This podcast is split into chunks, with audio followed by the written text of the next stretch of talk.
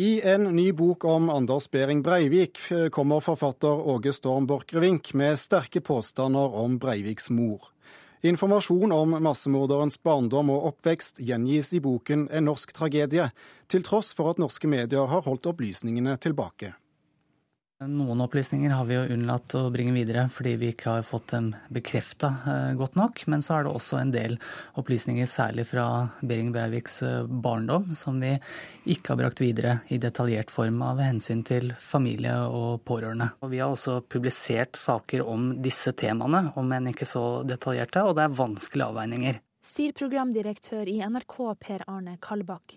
I boka 'En norsk tragedie', som kom ut i dag, går forfatter Åge Storm Borchgrevink lengre enn hva norske medier har gjort i å gjengi detaljer om terrordømte Anders Behring Breiviks barndom og oppvekst. Forfatteren antyder langt på vei at omsorgssvikt i barndommen bidro til at Breivik ble som han ble.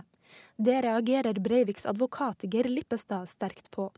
Ja, Nå har ikke jeg lest hele boken, men jeg har fått referert uh, deler av den, hvor uh, jeg forstår at uh, han bl.a.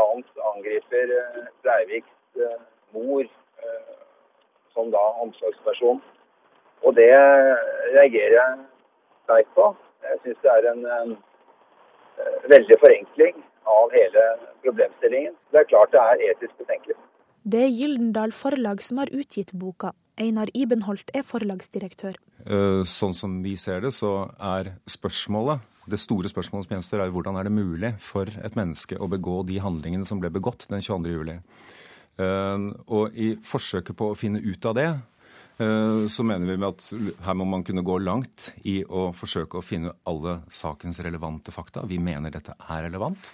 Og vi mener altså at den offentlige interessen er så stor at her slår den over hensynet til privatlivets fred. Reporter i eh, dette innslaget, Hege Valenius. Sjefredaktør i Vårt Land, eh, Helge Simones. Er det greit å utlevere detaljer om moren på, eh, på denne måten?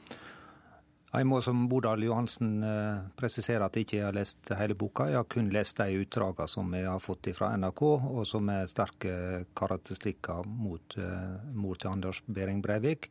Og jeg bygger det også på det oppslaget som var i VG om, om dette i dag. Og jeg syns det ikke er greit. fordi at det er en tredjeperson her som er allerede blitt pålagt veldig store byrder, og som får ytterligere byrder. Fordi at det skapes et inntrykk at eh, hun er medskyldig eller skyldig i den handlinga. At det er en direkte årsakssammenheng om hvordan hun fostra opp eh, Anders Behring Breivik. Det førte til at han ble den eh, terrorpersonen som han ble. Og det syns jeg kan ikke skjønne at det er faglig Jeg tror dette her er ikke psykolog, ikke psykiater, men det må være kompliserte, svært kompliserte årsakssammenhenger som ligger bak det. Og når du da lager en påstand, så, og det skapes et bilde av at det, det er hun som er skyldig i dette, så holder ikke det ut fra et etisk perspektiv. Selv om behovet for å finne svar i den saka er veldig stort, så holder det likevel ikke. Åge Storm Borchgrevink, det er du som har skrevet uh, denne boken. Mange av disse opplysningene er til dels underlagt taushetsplikt. Uh, likevel har du valgt å skrive om det. Hvorfor det? Bare først uh, kommentere kort til hva, hva Helge Simones uh, sa i stad.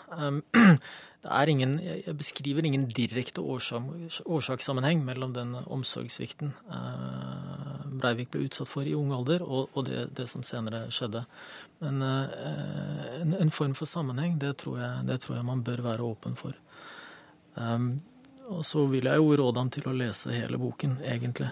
Samtidig så må jeg si at jeg skjønner jo innvendingen hans, og dette har jo vært vanskelig eh, også eh, for meg, og for ja, forlaget også, å vurdere hvordan vi skal, vi skal, løse.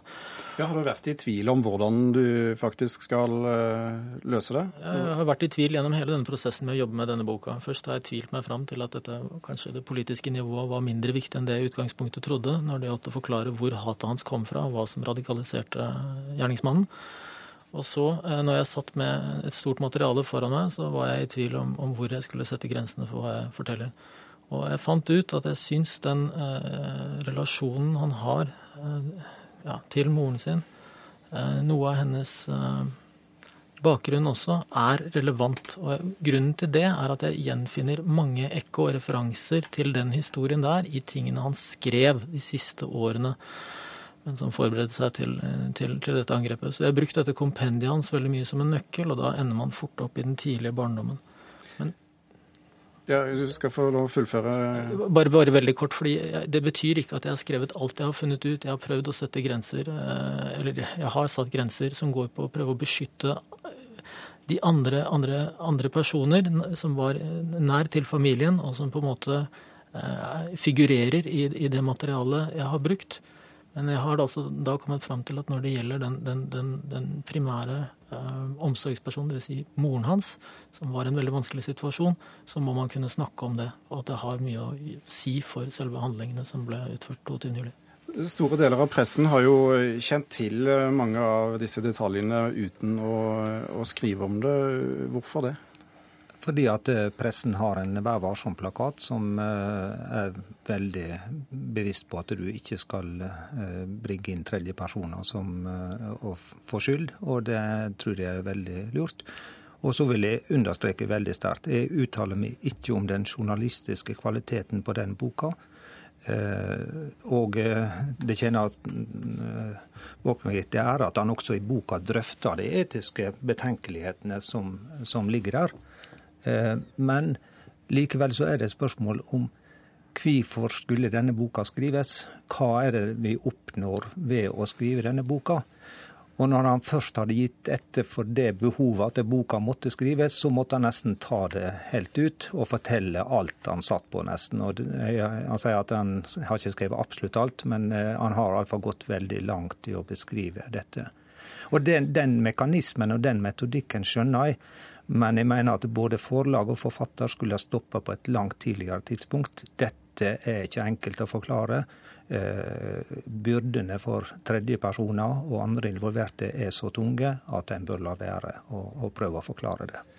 Gunnar Bodal Johansen, du er fagmedarbeider i presseetikk ved Institutt for eh, journalistikk. Går det an å si hvem som har gjort det riktige her, pressen eller forlaget?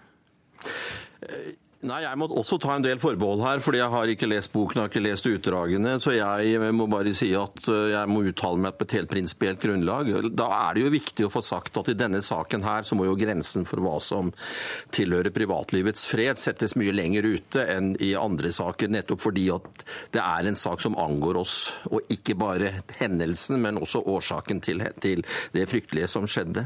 Nå er jo pressen veldig vant til å håndtere den type saker. Hver eneste uke så jeg er involvert i den type problemstillinger. Og da er jo Det første man må gjøre i pressen, det er jo å få fastslått hva er faktum. For når man skal, og I neste omgang så må man jo da, hvis det er behov for å trekke inn private opplysninger for å forklare et faktum av offentlig interesse, så må det altså ikke være spekulasjoner der overhodet. Det må være altså veldig saklig. Altså det må være en klar relasjon mellom det faktum man presenterer og de private forholdene man trekker inn. Og så har jo vi i tillegg pålagt oss selv å være veldig varsomme. Omtanke, ikke bare saklighet, men omtanke når det gjelder ordvalg og presentasjon. Men det er jo åpenbart at det også i denne saken her er eh, viktig å få fram opplysninger som kan forklare den, den hendelsen.